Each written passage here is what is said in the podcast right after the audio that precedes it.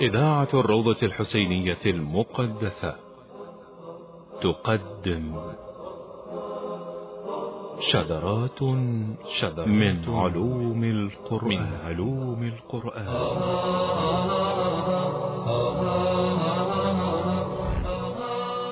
شذرات من علوم القرآن. إعداد وتقديم السيد مرتضى جمال الدين. شذرات من علوم القرآن. مونتاج نورس الكربلائي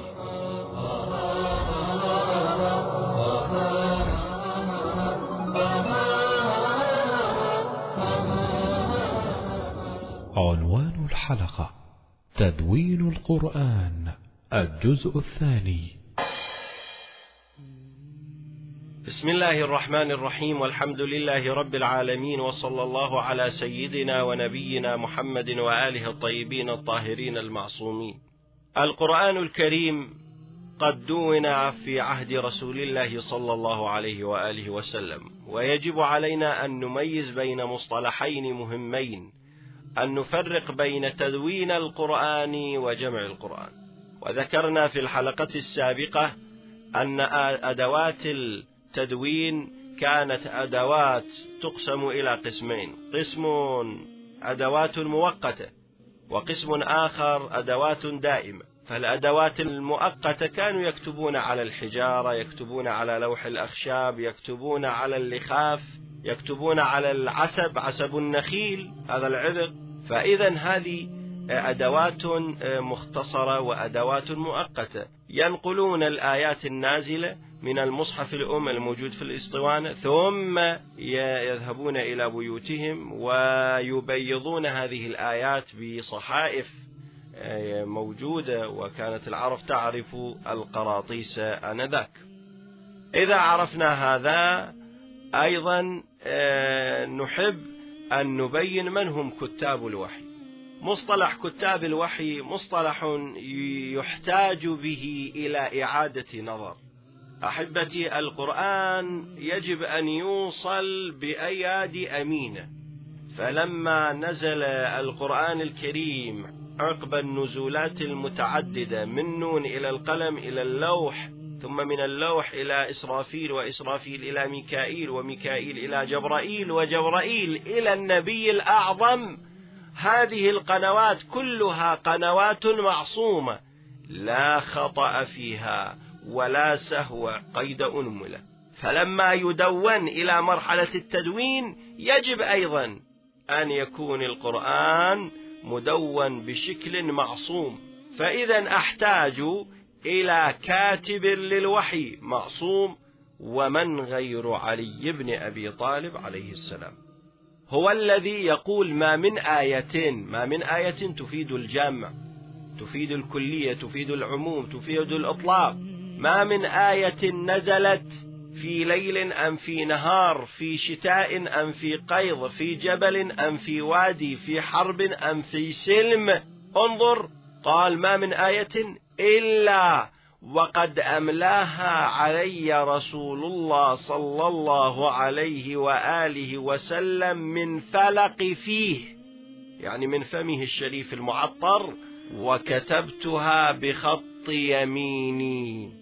يعني قبل من الفم المعصوم للنبي الأكرم إلى اليد المعصومة لعلي بن أبي طالب عليه السلام. لماذا؟ حتى لا يحصل تحريف وحاشا. الإمام علي وبعض الصحابة الخلص أن يحرفوا. أو تصحيف هناك فرق بين التحريف والتصحيف. التحريف واضح عن سبق إصرار وترصد أما التصحيف ماذا؟ أنه التاء تصير نون نقطة واحدة. أن الياء تصير باء أن الراء تصير زاي هذا تصحيف بالحرف. فهذا يقع قهرا على الكتاب وعلى من يدون. ولهذا عندنا كثير من المشاكل أنه نخاف من ماذا؟ نخاف من التصحيف.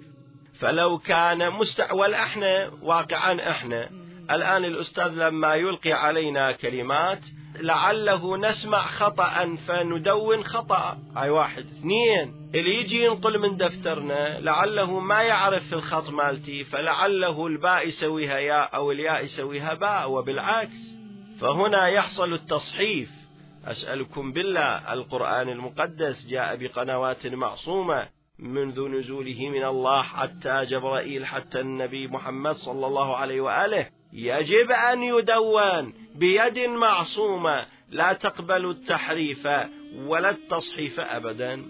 فاتخذ النبي من علي كاتبا للوحي ليس فقط يكتب القرآن. ارجعوا أحبتي ما من شيء إلا ودونه علي بن أبي طالب عليه السلام.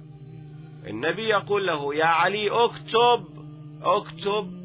ودون. قال له يا رسول الله أتتخوف علي النسيان? قال له لا أنا ما أتخوف عليك النسيان لكن أكتب لأصحابك. اسمع ما معنى أصحابك؟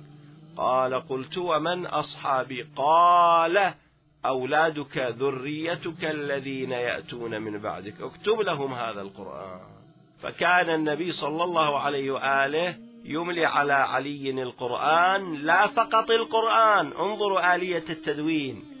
كان يملي عليه القرآن وتفسيره وتأويله وناسخه ومنسوخه وعامه وخاصه ومحكمه ومتشابهه. عود بعدين الجماعة والصحابة ينقلون من مصحف علي أو قل من مصحف النبي الرسمي. ولهذا ما يصير عندهم خطأ. ببركة علي بن أبي طالب عليه السلام. إذا أحبتي فالقرآن الكريم ما كان لينزل ويكتب بأيادي مأثومة أولا أو أيادي قابلة للخطأ والنسيان ثانيا. لا وإنما يكتب بأيادي نظيفة معصومة. ليس علي فقط كتب القرآن إنما كتب صحيفة طولها سبعون ذراعا بذراع رسول الله. فيها كل حلال وحرام حتى أرش الخدش كما يعبر الإمام الباقر. والخدش يعني الجرح الطفيف الصغير. أرشه يعني يعني غرامة هذا الأرش. أرشه يعني غرامة هذا الأرش. نعم يعني آه، الضمان هذا الأرش أيضا مكتوب. فيه الجلدة ونصف الجلدة وربع الجلدة الجلدة مثلا يقول هذا يجلد ثمانين جلدا. إذا كان آه، نعم عبدا نصف الجلد نصف هذا العدد أربعين. إذا كان مثلا عبد نصفه حر ونصفه نعم آه، لا زال عبدا غير محرر. وهذا يعرفون في المسائل الفقهية. هذا يضرب نصف من الحر ونصف من العبد. هكذا. فأمير المؤمنين عليه السلام دون كل حلال وحرام. لا بل دون كل علوم الأولين والآخرين. إحنا ليش نقتصر في بحثنا ونضيق البحث؟ انظروا إلى علي بن أبي طالب. ماذا دون؟ يقول إمامنا الباقر عليه السلام عندنا الجفر الأبيض. قلت يا ابن رسول الله وما الجفر الأبيض؟ الجفر يعني وعاء من جلد يسمونه الجفر. يعني شلون الحقيبة من جلد اليوم عندنا؟ قال عندنا الجفر الأبيض. قلت وما في الجفر الأبيض؟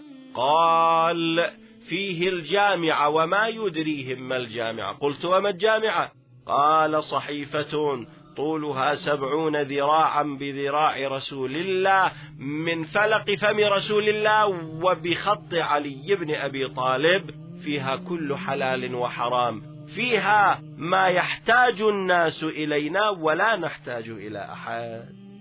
ارجعوا إلى ملابسات هذا التدوين وشوفوا شلون. أن علي بن أبي طالب مو فقط جمع أو كتب القرآن ودونه أما باقي الصحابة أحبتي أنا لما أثبت أن علي بن أبي طالب هو الكاتب الرسمي المعصوم الوحيد لا أنفي أنهم كتبوا الوحي ولكن علي كتب الوحي والقرآن والعلم لذريته وكتبه للأمة الإسلامية. يعني بتعبيرنا كتب القرآن الرسمي. إلا أن باقي الصحابة رضوان الله عليهم على المخلصين منهم كانوا يكتبون المصحف ويدونونه لأنفسهم فقط كما كان يدون التابعين وغير التابعين يوم ما كان هناك طباعة. كل واحد يدون القرآن ويكتب القرآن نعم يكتبه لنفسه. فلما كان البحث عاميا سنيا جعلوا عليا من ضمن كتبة الوحي مع أنه الكاتب الوحيد للوحي. بشكل معصوم. وما آثر من ابن عباس أنه كاتب للوحي وأبي بن كعب وعبد الله بن مسعود. نعم وزيد بن ثابت ومعاذ بن جبال. كلهم كتبوا المصحف لأنفسهم. لم يكتبوه للأمة الإسلامية ولم يعول عليهم رسول الله. في ذلك وانظر الطامة الكبرى. أنهم يجعلون معاوية كاتبا للوحي. وكان معاوية قيل أنه يعرف الحساب فجعله النبي صلى الله عليه وآله وسلم جعله محاسب. شلون اليوم المحاسب الموظف المحاسب عندنا؟ آه، يبين آه، يعني أسهم الزكاة ويوزعها فكان يكتب سجل الزكاة والعطاء. غير هذا الشيء لم يؤثر. وإن كتب الوحي فيكتبه لنفسه. لا يعتمد النبي على معاوية في كتابة الوحي. أبدا ومطلقا. حتى لو كانوا يأخذون من فم رسول الله ما كان يعول على تدوينهم وهو قابل للتصحيف وللانحراف وللخطأ. زين حتى لو سلم يخاف على نعم الحقبة التي تليه أنه يتلاعب في القرآن. إن المصحف الذي عندنا يقول آل محمد إن المصحف الذي عندنا لا يمسه إلا المطهرون. فإذا عرفنا هذا أبين لك أنه كاتب الوحي الأوحد هو علي بن أبي طالب عليه السلام. قال الطبرسي في الاحتجاج عن علي عليه السلام عند احتجاجه على جماعة من المهاجرين والأنصار حيث يقول فيه يا طلحة إن كل آية أنزلها الله عز وجل على محمد عندي بإملاء رسول الله وخط يدي وتأويل كل آية أنزلها الله على محمد صلى الله عليه وآله. بعد وكل حلال وحرام أو حد أو حكم أو شيء تحتاج إليه الأمة إلى يوم القيامة مكتوب بإملاء رسول الله صلى الله عليه وآله وخط يدي حتى أرش الخدش. يعني مو فقط القرآن دونه علينا بل كل علم كل حلال وحرام. روى العلامة المجلسي عن العباس بن معروف عن حماد بن عيسى عن ربع بن زرارة عن الباقر قال كان جبرائيل يملي على النبي وهو يملي على علي. أحبتي يجب أن تكون القناة الواصلة إلى الأمة قناة نظيفة. من حين نزوله القرآن من الله سبحانه وتعالى عبر الملائكة عبر جبرائيل عبر النبي إلى علي المعصوم ذو اليد المعصومة.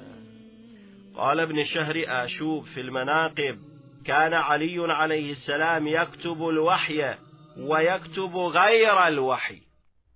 كان يكتب الوحي ويكتب غير الوحي. لقد كتب الجامعة وهي صحيفة طولها سبعين ذراعا فيها الحلال والحرام.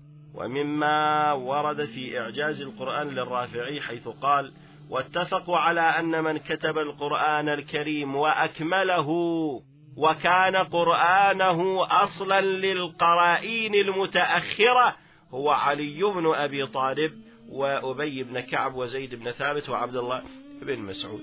أن الذي ندعيه وهو الرجل الوحيد هو علي بن أبي طالب هذا متفق عليه. أما الجماعة يلصقون علينا بعض الصحابة نعم كتبوا لأنفسهم لا أمانع إنما يكتبون للأمة إنما يعتمد النبي على كتابتهم هذا الذي فيه نظر وفيه محاولة لإعادة النظر.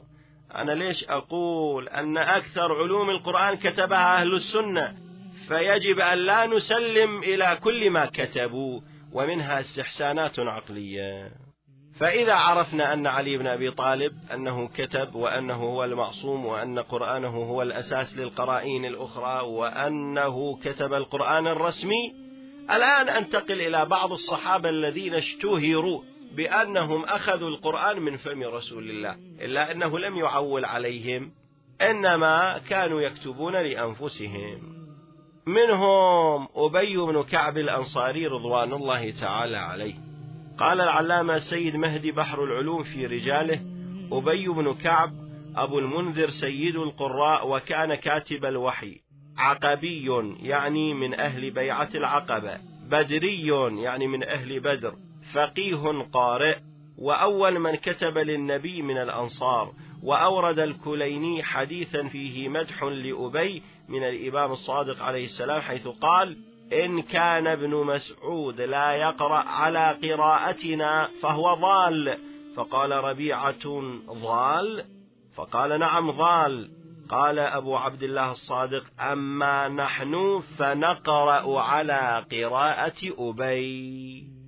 والواقع هذا مدح في الحديث مدح واضح لأبي. كذلك أنه مدح خفي لابن مسعود لأنها القضية معلقة شرطية. إن كان ابن مسعود لا يقرأ على قراءتنا فهو ضال.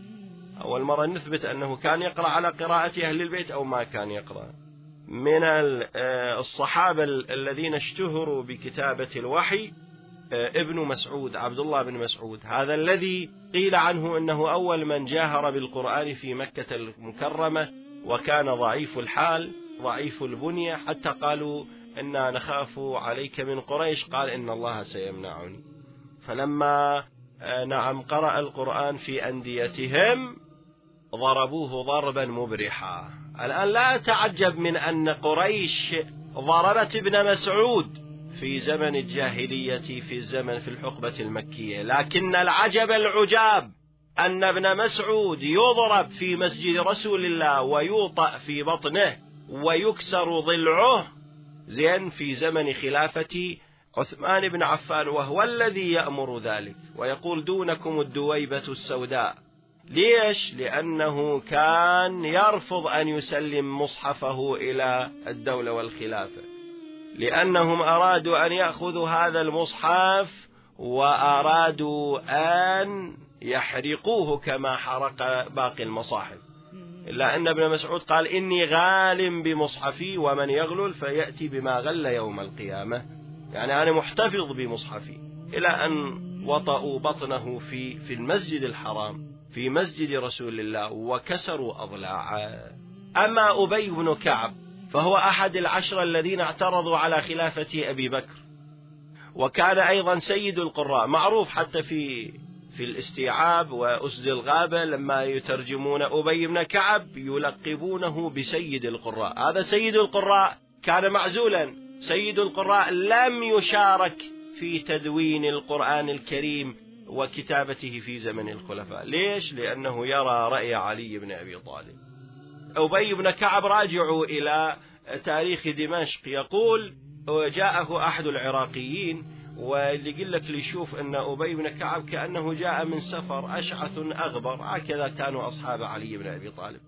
فقال له العراقي أنت صاحب رسول الله والله لأجثون للركب وأشكوكم يا صحابة رسول الله. لماذا لا تعلموننا القرآن؟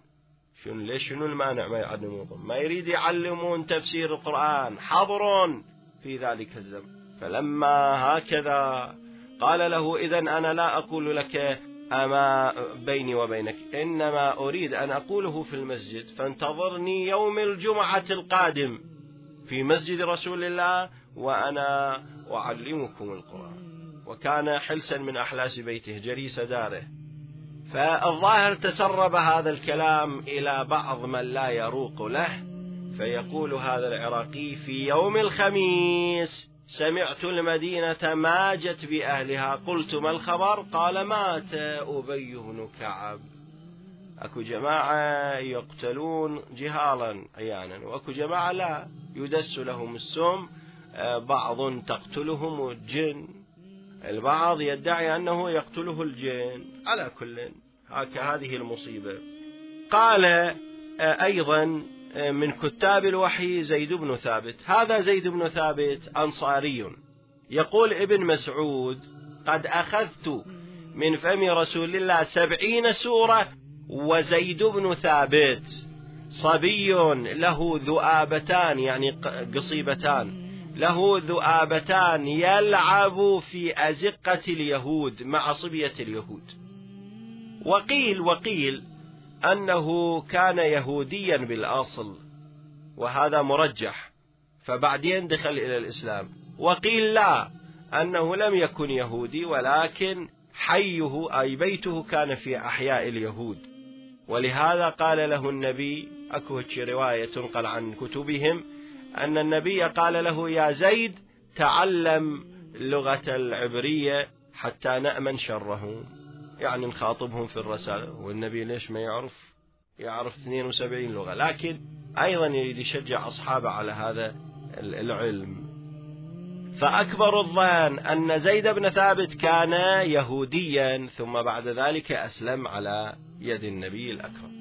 إلا أن زيد بن ثابت غرته الخلافة وغرته الأموال فجلب إلى صف الخلفاء فكانت له عاقبة غير محمودة. أنقل لكم ماذا ترجمته وصلت عن زيد بن ثابت. قال ابن شهر آشوب في المناقب كان مع أبي ابن كعب زيد بن ثابت يكتبان الوحي وقال ليعقوب إنه كان من جملة من كتب الوحي والرسائل والعهود مو بس الوحي يكتب بعض الرسائل والعهود وعندما قدم النبي المدينة كان عمره إحدى عشرة سنة. فأسلم فأمره النبي أن يتعلم خط اليهود. هذا إذا ما كان هو يهودي ويعرف العبرانية. وهناك رأي أنه بالأصل كان يهوديا وكانت له ذؤابتان يلعب مع صبية اليهود. وذكر التستري في قاموس الرجال في ترجمة زيد أنه كان يكتب الوحي إلى أن قال وكان عثماني الهوى ولم يشهد مع علي عليه السلام شيئا من حروبه.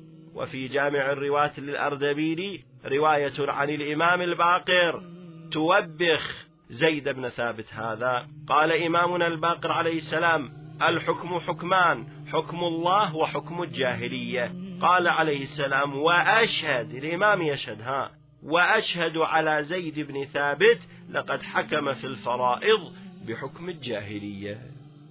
بعدين زيد بن ثابت استدعي لما رفض مصحف علي بن أبي طالب الذي دونه استدعي من قبل الخلافة من أبي بكر وعمر أنه يا زيد كنت تكتب فعلا كان يكتب لنفسه.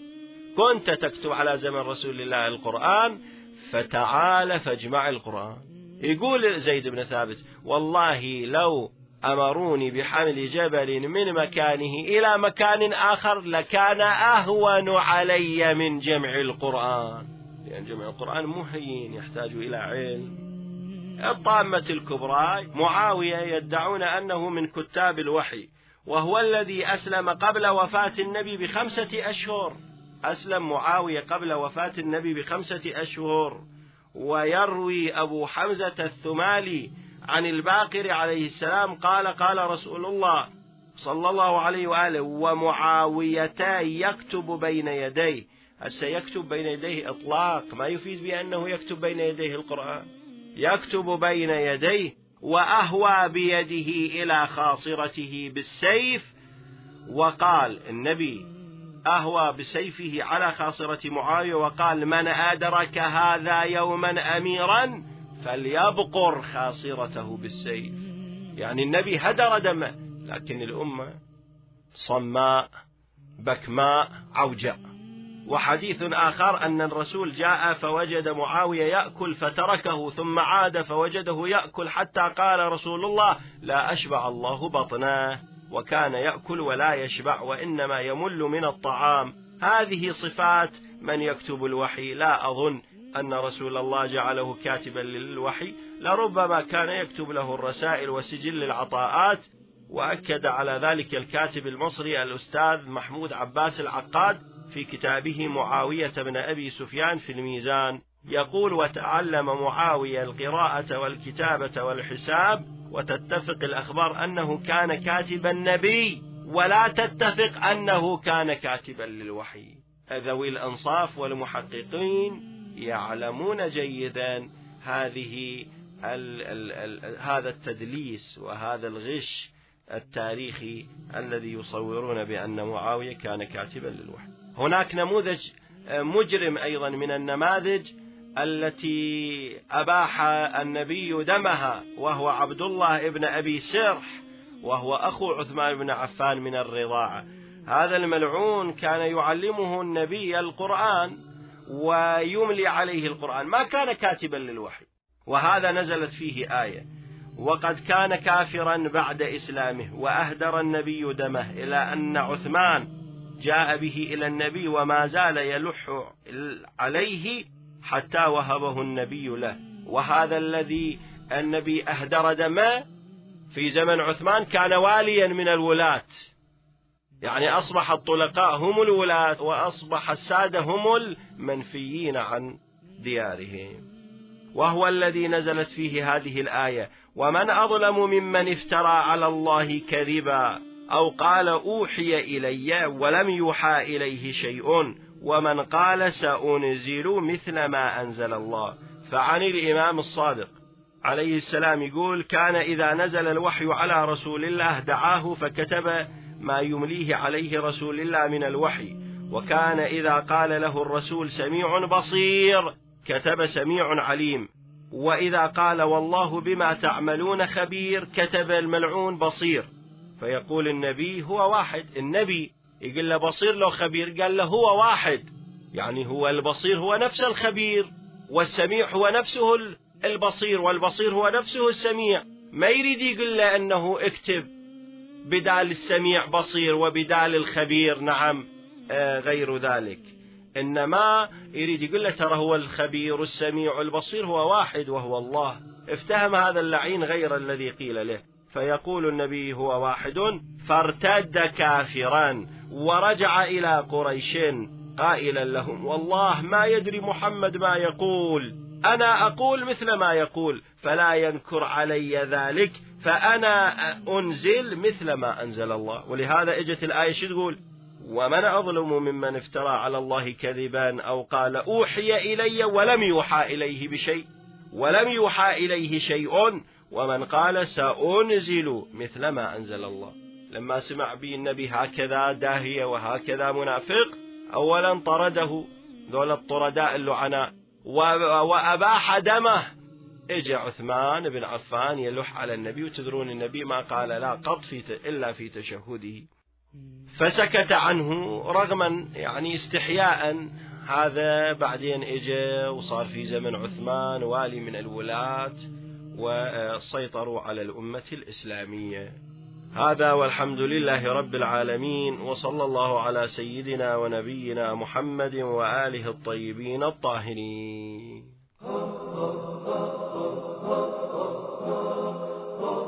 قدمت لكم إذاعة الروضة الحسينية المقدسة. شذرات شذرات من علوم القرآن, من علوم القرآن.